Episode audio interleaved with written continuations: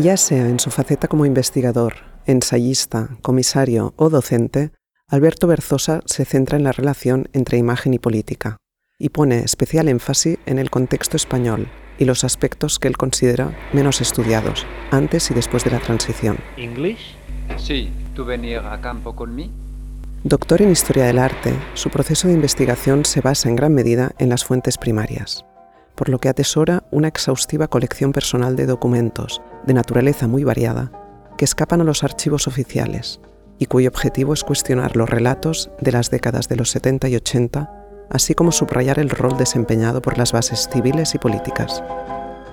Es en esta línea de trabajo que ha publicado el libro Homo herejías fílmicas, cine homosexual subversivo en España en los años 70 y 80, y comisariado la exposición Madrid Activismos, 1968-1982. ¿Qué es esto, René? ¿Te has vuelto loco? Oh.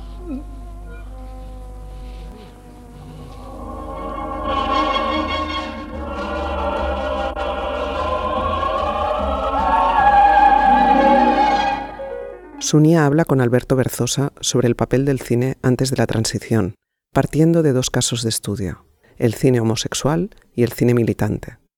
Hablamos con Alberto del espacio para la subversión que abrió el cine homosexual y amateur, y de su uso del camp y el collage como estrategias narrativas y una militancia poco ortodoxa. En cuanto al cine militante, vemos cómo Alberto marca distancia entre cine obrero y cine proletario, y comparte las singularidades del cine clandestino, producido desde lo colectivo, sin censura y una agenda política evidente.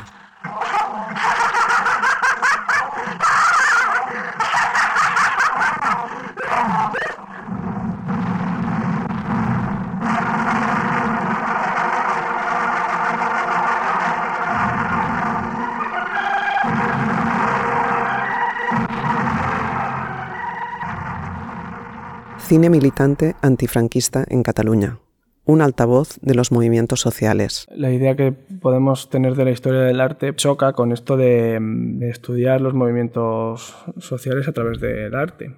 Cuando tuve de profesor a Jesús Carrillo, que había participado en todo el proceso de desacuerdos, y entonces pues él, yo me acuerdo que lo contaba y para mí fue un descubrimiento cuando de repente eh, temas que siempre me habían interesado, como era el de la política, pues se trataba de una forma tan directa en relación con el arte y sobre todo eh, en el terreno del cine con, eh, con, la Central del Corto, con la Central del CUR en Barcelona y con la Cooperativa de Cine Alternativo. ¿no? Y entonces a partir de ahí, de ver cómo pues, se había hecho cine, habían creado todas estas redes de distribución que coordinaban la Central del Corto, muy apegados y gracias a los movimientos sociales se había podido mantener todo eso y había esta relación tan íntima pues con el movimiento de objetores de conciencia, con el movimiento feminista, con todos los, eh, con algunos partidos políticos también.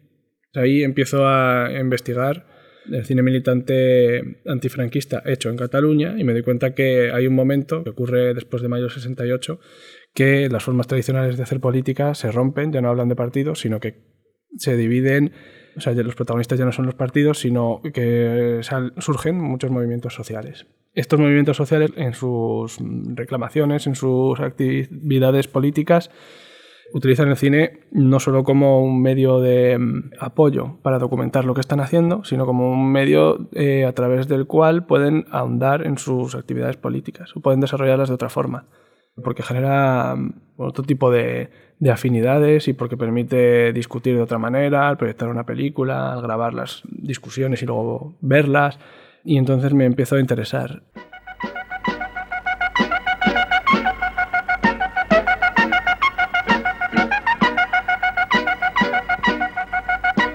Como herejías fílmicas, más allá de la militancia tradicional.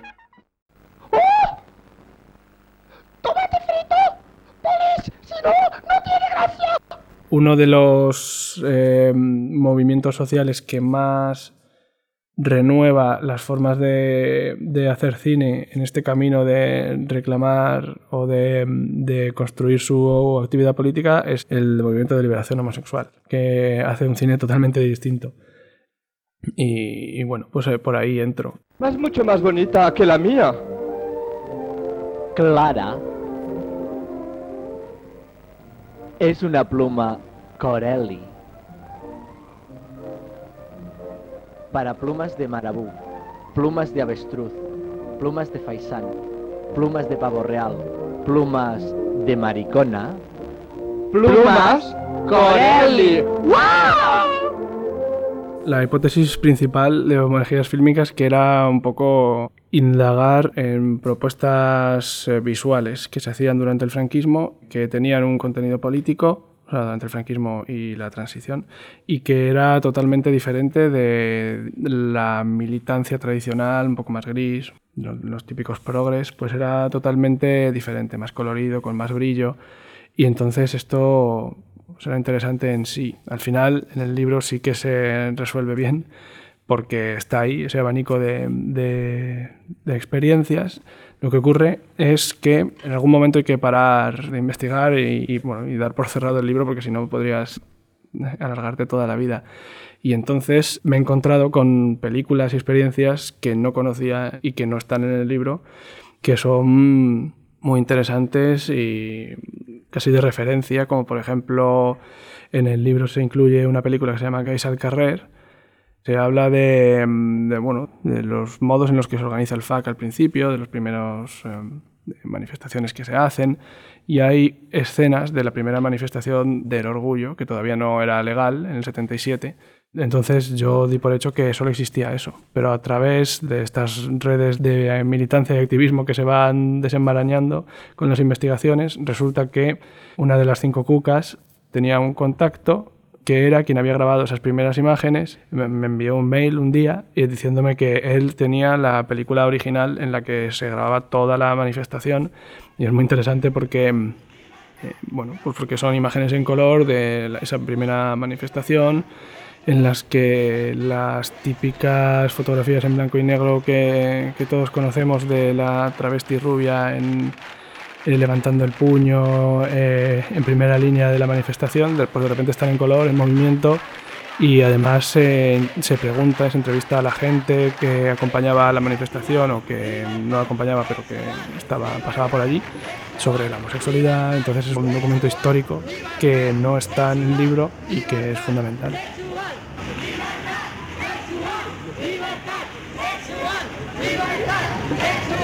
Libertad sexual, libertad sexual, libertad sexual.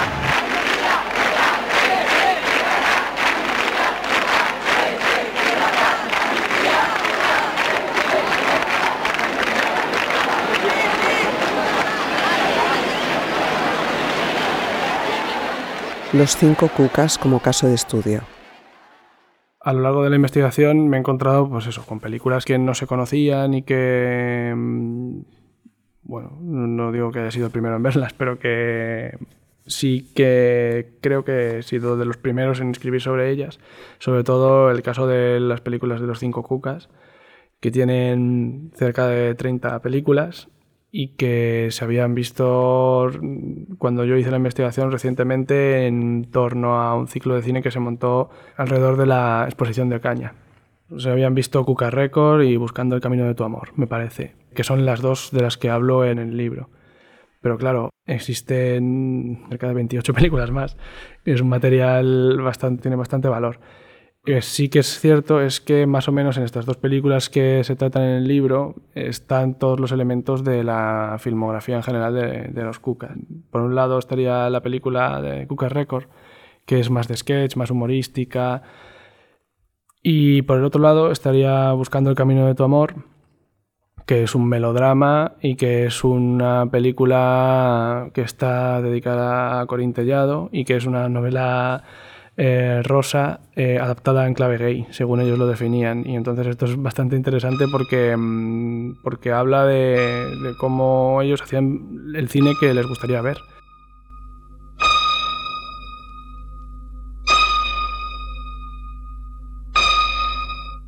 Ah, ay, ah, ah, Francisco. Francisco, ¿qué te ocurre? oh, no es nada, una pesadilla. Todas las películas de cine negro, de cine clásico de Hollywood, ellos las readaptan en, su propia clave. Que además en esta eh, estrategia de readaptación recuperan, o sea, se hacen suya toda una serie de elementos de la cultura popular española y norteamericana que eh, al final dan como resultado un producto muy original. Es decir, en Buscando el Camino de tu Amor mezclan a James Bond con Sara Montiel, son un montón de referencias extrañas, extrañas juntas, digo, eh, y que al final hacen pues, una obra muy original.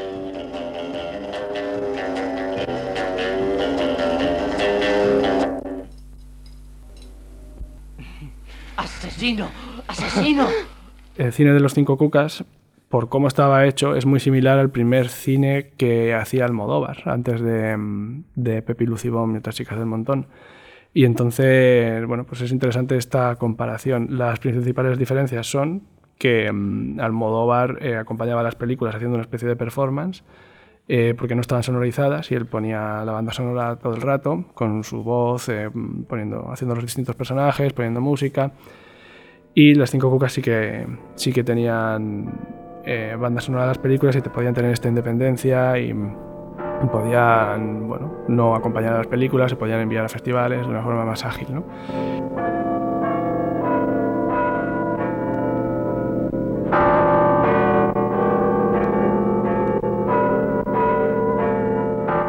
Y entonces, hablando del cine de Almodóvar, para mí fue interesante cuando me enfrento con Pepi Lucibón, porque descubro que es de las pocas películas, por no decir la, la única en la que he encontrado, en la que se habla de, del lesbianismo desde un punto de vista subversivo.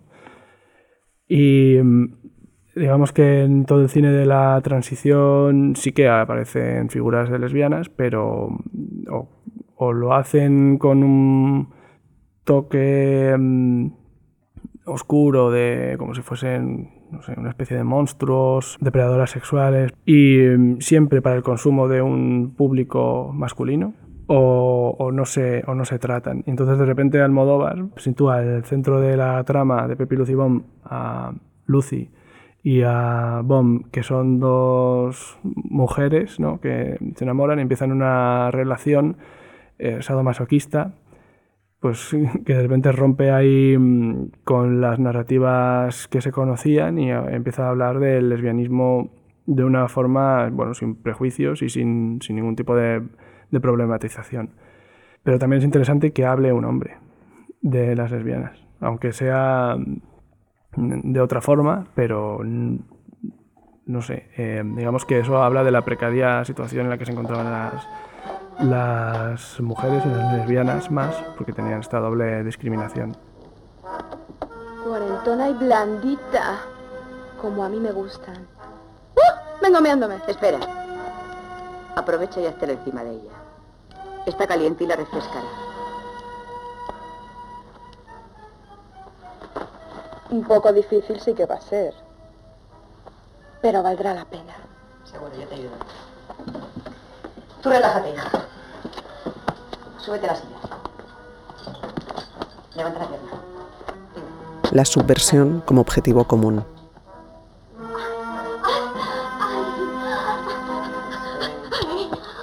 ¿Cómo disfrutas?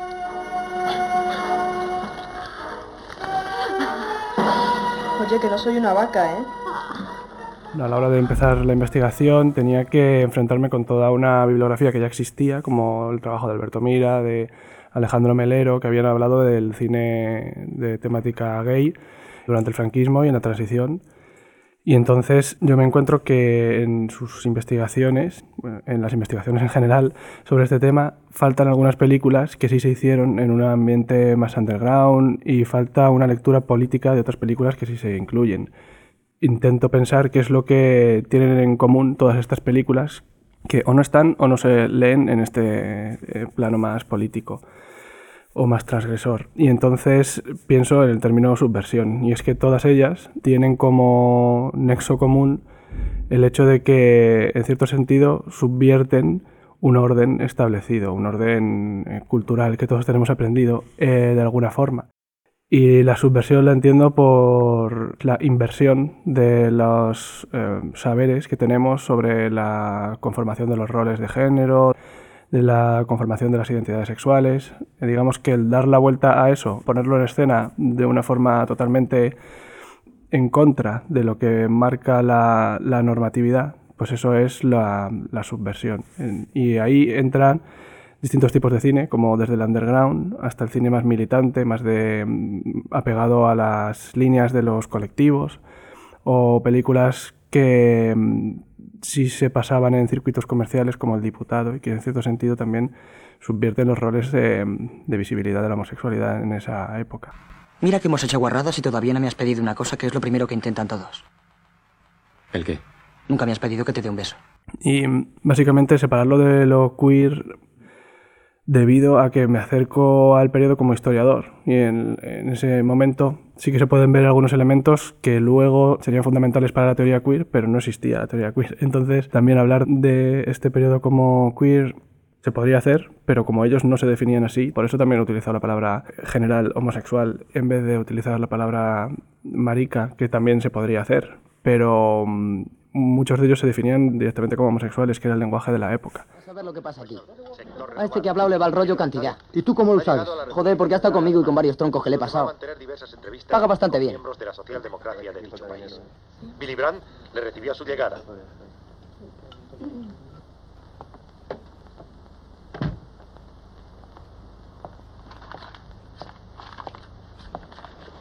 Hola. Hola. estoy agotado. ¿Qué tal la reunión del Ejecutivo? Bien.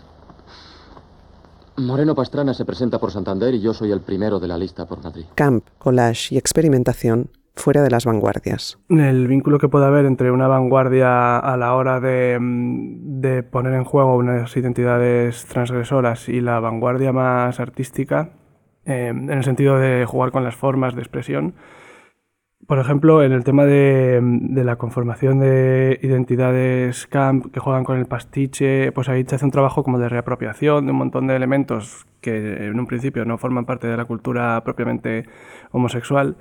Y en ese acto de recolectar y de componer mm, de una manera nueva, original, una expresión identitaria, que se hace un trabajo de collage, digamos, y que por ahí sí que tiene un vínculo con la vanguardia artística. Lo que ocurre es que, mm, por lo menos en el ámbito del cine homosexual subversivo en España, o sea, la innovación en cuanto a relato o a forma eh, no se da tanto como en otros ámbitos, porque vienen todos, o proceden de un, de un modo de hacer más amateur. En este sentido, como al no tener formación cinematográfica clásica, sí que experimentan algunas veces con la forma, pero no es el, principal objetivo experimentar con la forma, sino contar una historia y al no tener los recursos, pues entonces tienes que, empezar a pensar en, formas de, contarlo.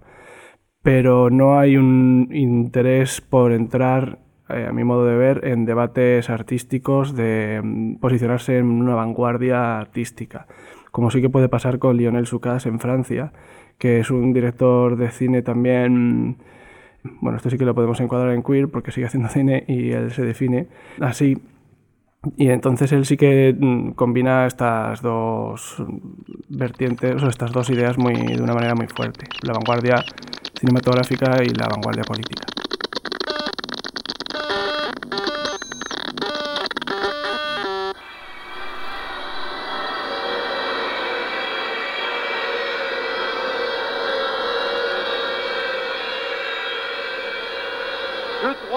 Troisième ange sonna de la trompette, et il tomba du ciel un astre immense qui flambait comme une torche.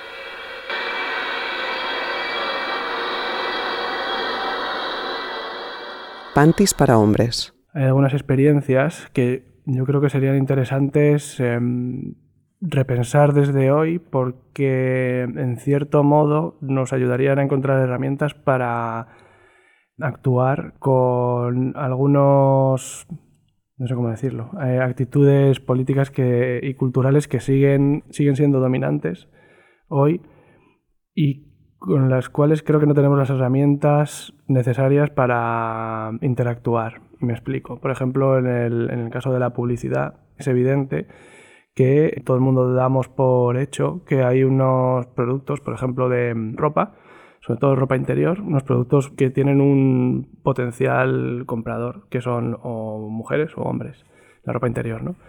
Y en este sentido, es algo que nosotros entendemos como natural, eh, este mm, hipotético comprador está muy...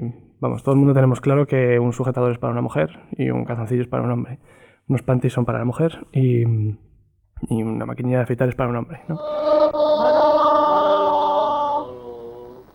Manolo Claire, Manolo Claire, un panty para cada macho.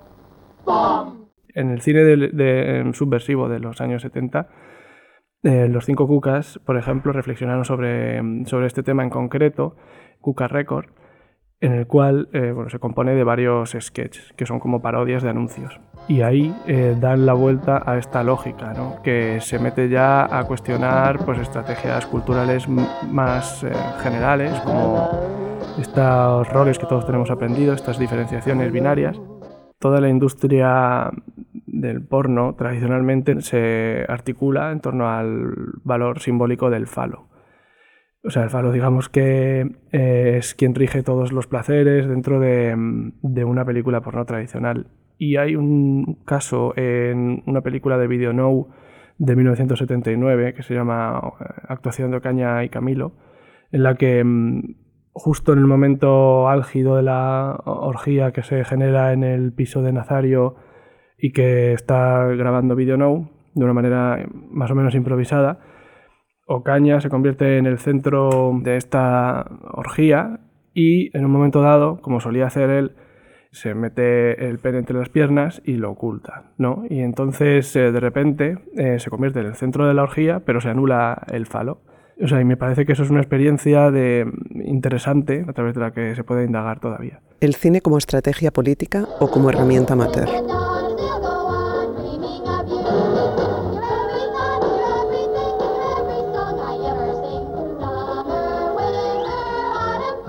El hecho de utilizar el cine como eh, herramienta expresiva o como modo de, contar una historia o de posicionarte políticamente puede venir por dos actitudes fundamentalmente. Yo creo que una sería el cine amateur, es decir, que mm, igual a, través de ver mucho cine te interesa empezar a utilizar ese, esa herramienta para contar tus propias historias, como creo que puede ser el caso de, Los Cinco Cucas o de...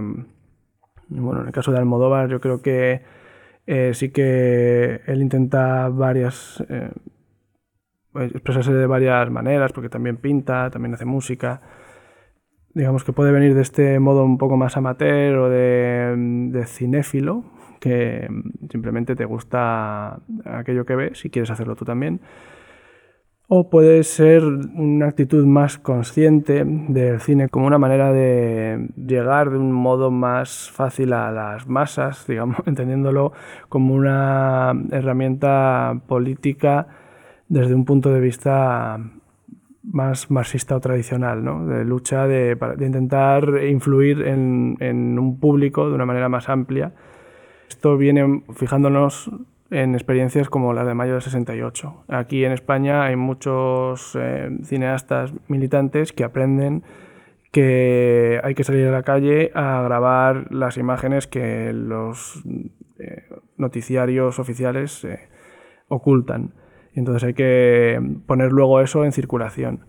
Y entonces el cine es la manera de, registrar esas imágenes y que se difundan más eficaz para ellos. Entonces, o como estrategia política o como actividad amateur, digamos que son estas dos formas las que llevan a la utilización del cine en concreto como forma de expresión en estos términos. Yo no ser un asesino. Además, tú gustarme mucho. Cómo mirar al cielo, y tu romanticismo. Yo querer poseerte aquella noche. Por eso, si tú permites, yo vení cada tarde a verte. También la que condiciona el modo de difusión, por ejemplo, las que tienen ese arranque en, en estrategias políticas más concretas, eh, sí que se preocupan de hacer una red de espacios de exhibición. Entonces, em, digamos que el cine militante más vinculado a partidos políticos en la clandestinidad o a sindicatos en la clandestinidad, supo aprovechar pues eh, toda la red de cineclubes que había a lo largo del estado o centros eh, culturales, asociaciones de vecinos, eh, algunos espacios que abrían los curas rojos, digamos, en las iglesias o en los centros de trabajo, para crear toda una red de espacios donde proyectar ese cine y además que tuviera cierto efecto, porque si tú una película de lo que podemos denominar cine eh, obrero, proletario, la proyectas en una fábrica, pues es el lugar apropiado para, digamos, iniciar una discusión. Mientras que el cine que viene más desde el lado del amateurismo, en los casos que yo conozco, también tenían una exhibición más privada, en fiestas, bueno, en reuniones un poco más pequeñas, pero eh, sí es cierto que también eh, todas las películas, tanto de un lado como del otro, se enviaban a festivales y a toda una red de festivales que empezaba a surgir que tenían que ver con el nacimiento de las identidades nacionales también, o sea, festivales de cine, bueno, para reivindicar una cultura de las distintas regiones del Estado, y, también había festivales directamente creados para este tipo de películas, de cine underground, de cine en Super 8, de cine independiente. Y tienes que intentar recomponer las redes de militancia que había en la época para ir de uno en uno, intentando ver qué tiene uno, qué tiene otro, y así haciendo una especie de, de mapa global de, de, cada movimiento o de cada eh, tendencia cinematográfica, pues intentar recomponer un poco el cuadro del momento. Pero es bastante complicado. Es verdad que una vez que encuentras un camino por donde entrar, es muy fácil ir tirando del hilo y, que unos te pongan en contacto con otros y además así mm, vas en cierto sentido avalado y te, se ponen a tu disposición, mientras que los archivos más profesionalizados pues a veces tienen una burocracia que hace más complejo digamos la propia manipulación de los materiales también a la hora de, investigar, pues al final vas haciendo una colección. Tengo buena parte digitalizado, porque hay gente muy generosa que te dice, bueno, llévate a la casa, te escaneas lo que quieras y luego me lo devuelves, o lo tengo fotocopiado o copiado en DVD. Claro, al final es tu propio archivo que luego le servirá a alguien. o sea que también hay que mm, ser consciente de ello yo creo que lo fundamental sería que eso se centralizara y se conservara en algún sitio general que estuviese disponible para todo el mundo.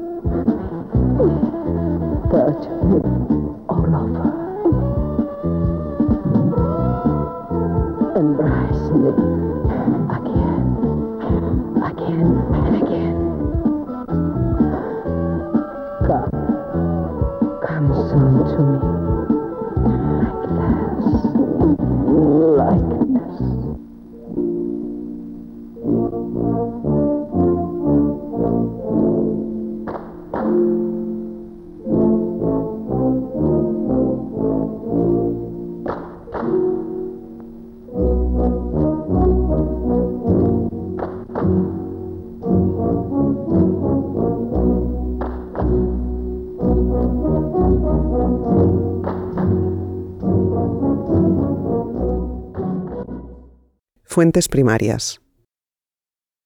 Cuando eh, te acercas a este tipo de, obras, eh, bueno, por una parte existe muy poco eh, escrito sobre ellas y entonces en cierto sentido tienes terreno libre para decir lo que quieras, pero es muy difícil a veces hacer un discurso y no hablar de una obra sin su contexto. Es ahí cuando tienes que intentar hacer un, esfuerzo por acudir a las fuentes primarias de la época en el sentido de revistas, programas de mano de las salas o incluso la prensa. Está muy bien, por ejemplo, que, que la vanguardia eh, tenga, no sé si en, totalidad, en su totalidad, pero buena parte de su fondo digitalizado en el periódico porque ahí te permite ver cómo en, cines eh, muy pequeños, pues de repente pasaban Silencis de Xavier Daniel o, películas de los cinco cucas también me he encontrado. Todo esto lo hago como un, una, un acercamiento como historiador.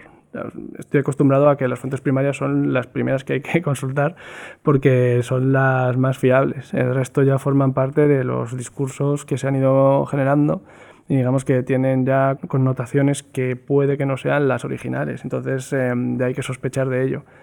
Incluso de estas fuentes primarias también no están libres de sospecha porque, porque también forman parte del discurso que se quería hacer en la época. Todo salió perfecto. ¿Cuándo lo colgarán?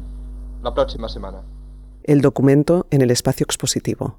Madrid Activismo. El espacio expositivo mm, yo creo que por sus propias condiciones permite más facilidad que igual un texto de mm, contar una historia, porque lo puedes hacer a través de elementos visuales. Y es siempre más claro y sobre todo si pones las fuentes eh, originales, es decir, los documentos que hicieron, en este caso los movimientos sociales de, de cada época, de la transición en concreto, pues el público puede tener acceso a esas fuentes, el movimiento obrero o, los presos en las cárceles. Estoy hablando de memoria de la exposición que comisaría en la Casa Encendida, que se Madrid Activismos, y era sobre estos movimientos en Madrid durante los años 70. Evidentemente depende mucho del conocimiento previo que pueda tener el público a la hora de acercarse a un documento, pero al final yo no espero que todos los visitantes de una exposición se lean todo o lleguen a, entender todos los motivos que me han eh, movido a mí para hacer una exposición así. Creo que cada uno debe acercarse del modo que quiera y llegar hasta donde le apetezca en cada momento. Eh, por ejemplo, en Madrid Activismos, o sea, era consciente que, mm, que, mucha gente se quedaba con algunas obras, no con otras, y que le interesaba hasta cierto punto penetrar en una obra, traspasar el primer impacto más visual o estético, intentar pensar qué significa eso en el contexto histórico de su momento, en relación con la obra que tenía al lado. O sea, yo lanzo una propuesta, pero que es una propuesta de las muchas posibles, es un discurso de los muchos posibles.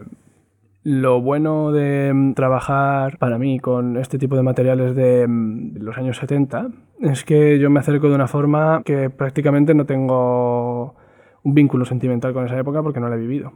Y entonces lo que me he encontrado positivo es que ha ido mucha gente que sí que tiene este vínculo porque es la que hizo esa historia y me ha dado lecturas de la exposición mucho más ricas de lo que yo pensaba, lecturas de esos documentos que tienen un sentido totalmente distinto del que yo pensaba, porque entre otras cosas pues igual lo, lo hicieron ellos. No vos me del, sino l'únic senyor. Ai, no em pogut, però desesperar, el vell vençut. Caso de, de, Luis Roncero Doña, que era militante del FRA, pues me explicó cómo en la película España 68 de Elena Lumbreras, en el concierto de Raimón que se hizo en la Complutense, aparece una, una pancarta colgada que pone Democracia Popular. Y claro, él eh, me dijo, mira, vamos a esperar aquí hasta que salga esta imagen y te cuento una historia. Y que él fue con su pareja de la época y puso esa pancarta en ese concierto. Entonces, esas vivencias que se ponen en marcha cuando gente que mm, tú en principio no conoces, pero de la que estás hablando sin saberlo, entra en contacto con esos documentos, es imposible de calcular. Entonces yo puedo tener una idea primera, pero no puedo pretender como comisario dirigir la interpretación de toda la gente que vaya a una eh, exposición.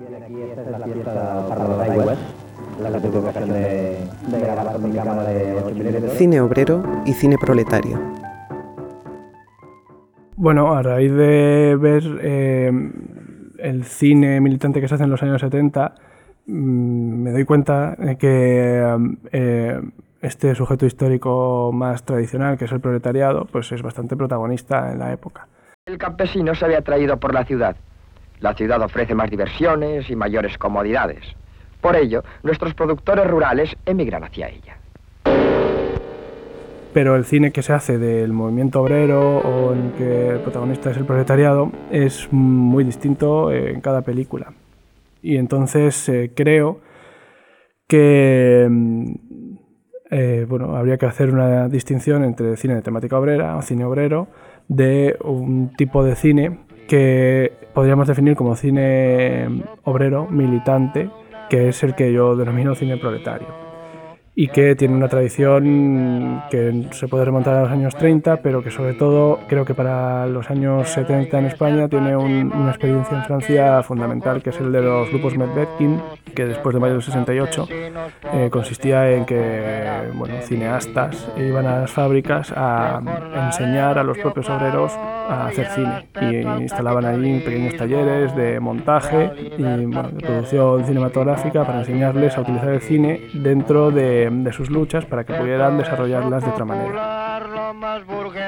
Esta experiencia, en cierto sentido, llega a España de una manera bueno, muy minoritaria en el, en el colectivo de cine de clase, yo, en, en, un artículo recientemente publicado en la revista Historia, Trabajo y Sociedad sobre el cine proletario, es la única película que yo creo que podemos denominar proletaria hecha durante, la, durante los años 70 porque en esta película los directores, Mariano Lisa y Elena Lumbreras, trabajan con los obreros de, de La Forza, una fábrica que estaba en huelga en la época, en el 76, de una manera, digamos, no jerárquica. Ellos ponen al servicio de los trabajadores en lucha la posibilidad de hacer cine, pero son los trabajadores los que hacen ese cine, los que graban imágenes en, dentro de las fábricas, los que ponen la banda sonora, los que financian la película, los que ponen el dinero para hacer las copias y que luego se puedan distribuir, eh, se puedan proyectar en otras fábricas son los que también trabajan en el guion, en, bueno, pues en el discurso que se va a poner en la película. Eh, y de hecho creo que esto es una, algo que potencia mucho el valor de esta película porque, entre otras cosas, pues hay imágenes dentro de fábricas, que estaba prohibido grabar dentro de fábricas, entonces los propios trabajadores pues meten eh, cámaras y consiguen imágenes bastante inéditas de, trabajadores pues, fundiendo metal, aparte también organizándose, haciendo asambleas, es muy interesante porque también hay imágenes en esta película en las que se ve a los trabajadores proyectando cine y explicando las imágenes que han grabado. Y creo que esto nos habla de esta independencia o liberación del proletariado que cuenta, o de los trabajadores que cuentan su propia historia y, la explican eh, desde su propia voz y no es el director de cine quien lo hace. Y este tipo de cine que muestra a la clase obrera activa, que muestra a la clase obrera eh, pues en actitud eh, solidaria, porque es una huelga y se muestran muchos casos de solidaridad entre los obreros, trabajando de manera colectiva los unos con los otros esta forma de mostrar a la clase obrera la que hace que este cine sea proletario. No solo el hecho de que esté hecho por trabajadores, la película, que también eso es muy importante para ello, a diferencia, por ejemplo, de Numax Presenta de Joaquín Jorda, que mm, sí que eh, también intervienen los trabajadores, pero claro, intervienen en cierto sentido financiando la película. Y aparte el, el momento en el que se muestra la clase obrera en Numax Presenta es un momento más decadente, es ya digamos el que mm, da pie al espectador para que piense eh, que lo que se inicia es la década de los 80 y a partir de ahí pues el proletariado va a ir poco a poco perdiendo fuerza y, mm, y desapareciendo como agente político importante. Mientras que en, en esta película del, del colectivo de cine de clase, que creo que no, que no había dicho el título, pero es O Todos o Ninguno, de 1976, justo se representa a la clase obrera en su punto de apogeo. Es una obra de un colectivo de cine de clase. Un trabajador de la fuerza firmó los interiores de la fábrica. El compañero de la fuerza, Ramón Ruro, hizo de técnico electricista, rodó algunas escenas importantes de la lucha e interpreta su canción La Regulación. También canta Julio de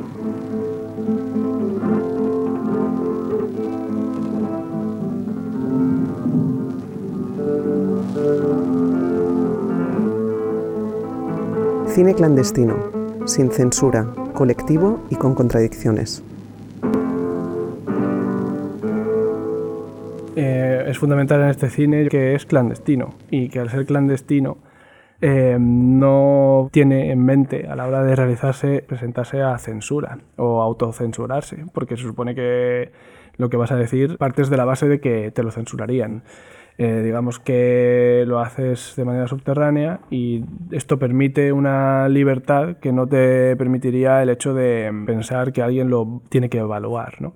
Por un lado, eh, la clandestinidad es fundamental para la efectividad del discurso político que se va a lanzar. Otra de las particularidades es que es un cine hecho de manera colectiva. Y esto es importante en la época además porque, mm, o sea, de partida, significa acabar con el concepto de autor como esa referencia intelectual que se dirige hacia un público y, mm, y, que ellos identifican como un elemento de, la cultura burguesa. ¿no? Entonces, el hecho de trabajar en colectividad eh, pone en jaque a esa figura autoritaria del autor para ellos.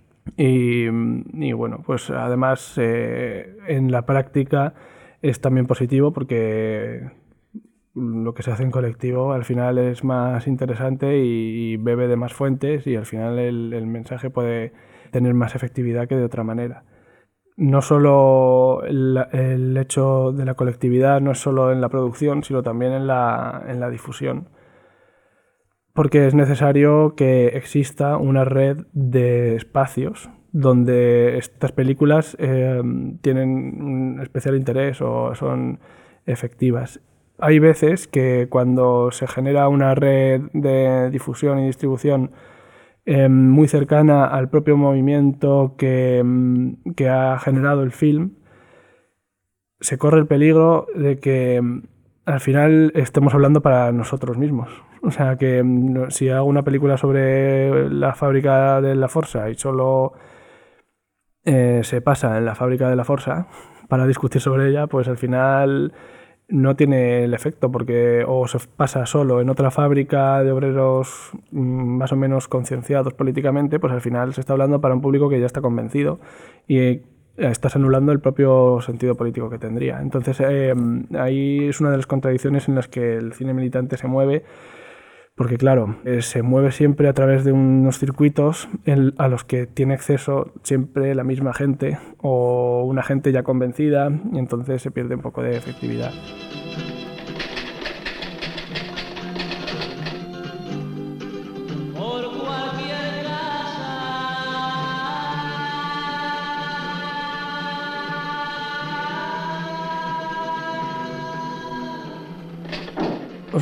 Yo cuando hablo de cine proletario me pregunto si existe un cine proletario en España durante la transición por un motivo en concreto y es porque creo que es el último momento en el que podemos hablar de, proletariado en España, entendiendo por proletariado la clase obrera en lucha, así de una manera generalizada. Porque luego sí que hay casos como los mineros que salen y, y que, bueno, yo creo que también son representantes de esto.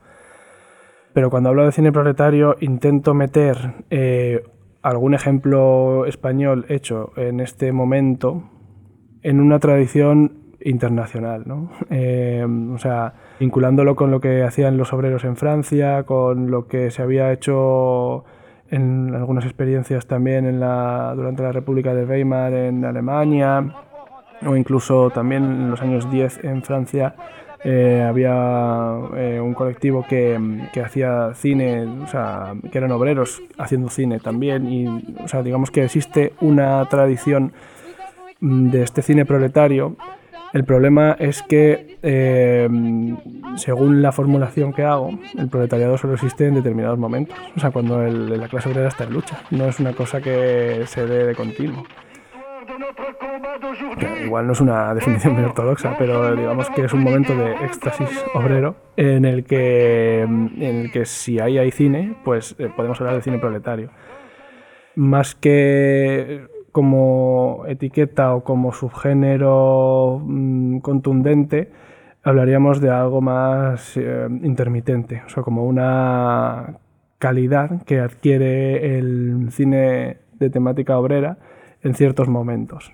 Eh, y era interesante para mí, al menos, pensar si eh, en el último momento importante de la clase obrera eh, en España, pues había habido estas experiencias, desde de, bueno, de su desmantelación a lo largo de los años 80.